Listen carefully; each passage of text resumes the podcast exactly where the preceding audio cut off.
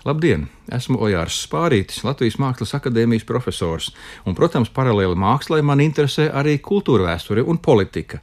Un vai jūs zināt, kurā vietā Rīgā var apskatīt tā dēvēto Rīgas miera līgumu, kurš ir noslēgts 1921. gada 18. martā un noslēgts tieši Melngalvju namā starp Krieviju, Ukrainu un Poliju tādējādi dodot kādu ieguldījumu Pirmā pasaules kara beigu fāzē Austrumēropas miera nodrošināšanā. Pirmkārt, jau jānoskaidro, kas ir miera līguma iemesls, kas ir cēlonis. Pirmā pasaules kara beigu fāzē Polija centās, tiklīdz viņa bija atbrīvojusies no cariskās Krievijas okupācijas žņaugiem un bolševiku okupācijas žņaugiem, Polija centās atjaunot savu vēsturisko telpu un centās, protams, to izdarīt atbilstoši savām poliskajām ambīcijām. Un tās gribēja gan atjaunotajam valstiskumam noteikt jaunas robežas, gan arī paplašināties tagadējās Ukrainas un Baltkrievijas virzienā. Un tās kādreiz taču bijušas Polijas-Lietuvas karalistes kopīgās telpas.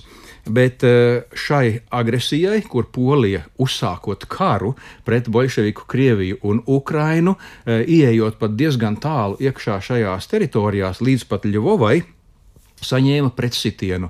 Bolševika Krievija tomēr bija tik spēcīga, lai koncentrētu armiju un aizietu, kā teikt, pretī Polijas armijai un atspiestu viņu atpakaļ līdz pat Varšavai.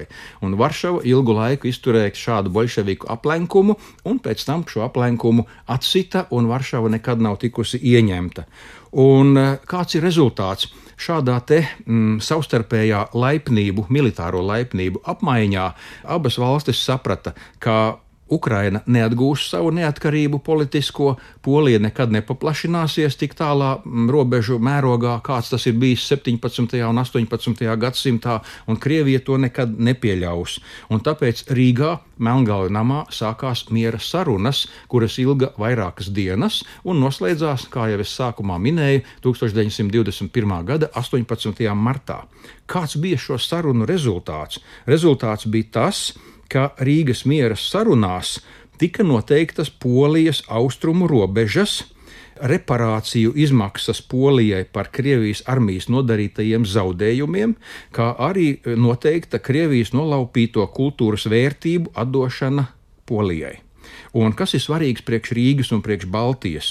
Rīgas miera līguma ietvaros izstrādātā robežu sistēma nodrošināja politisko stabilitāti Austrum Eiropā, robežu līnijas ar Krieviju un nodrošināja arī Baltijas valstu neatkarības stabilitāti. Melngalnama vitrīnā var apskatīties šo miera līgumu, un arī tam ir sava interesantā vēsture. Viesojoties Ukrainas prezidentam, es savā laikā prasīju viņa svītai, viņa ārlietu ministram, vai jums ir šāda līguma kopija valstī, un vai jūs varētu mums izgatavot viņas uh, faksimilu.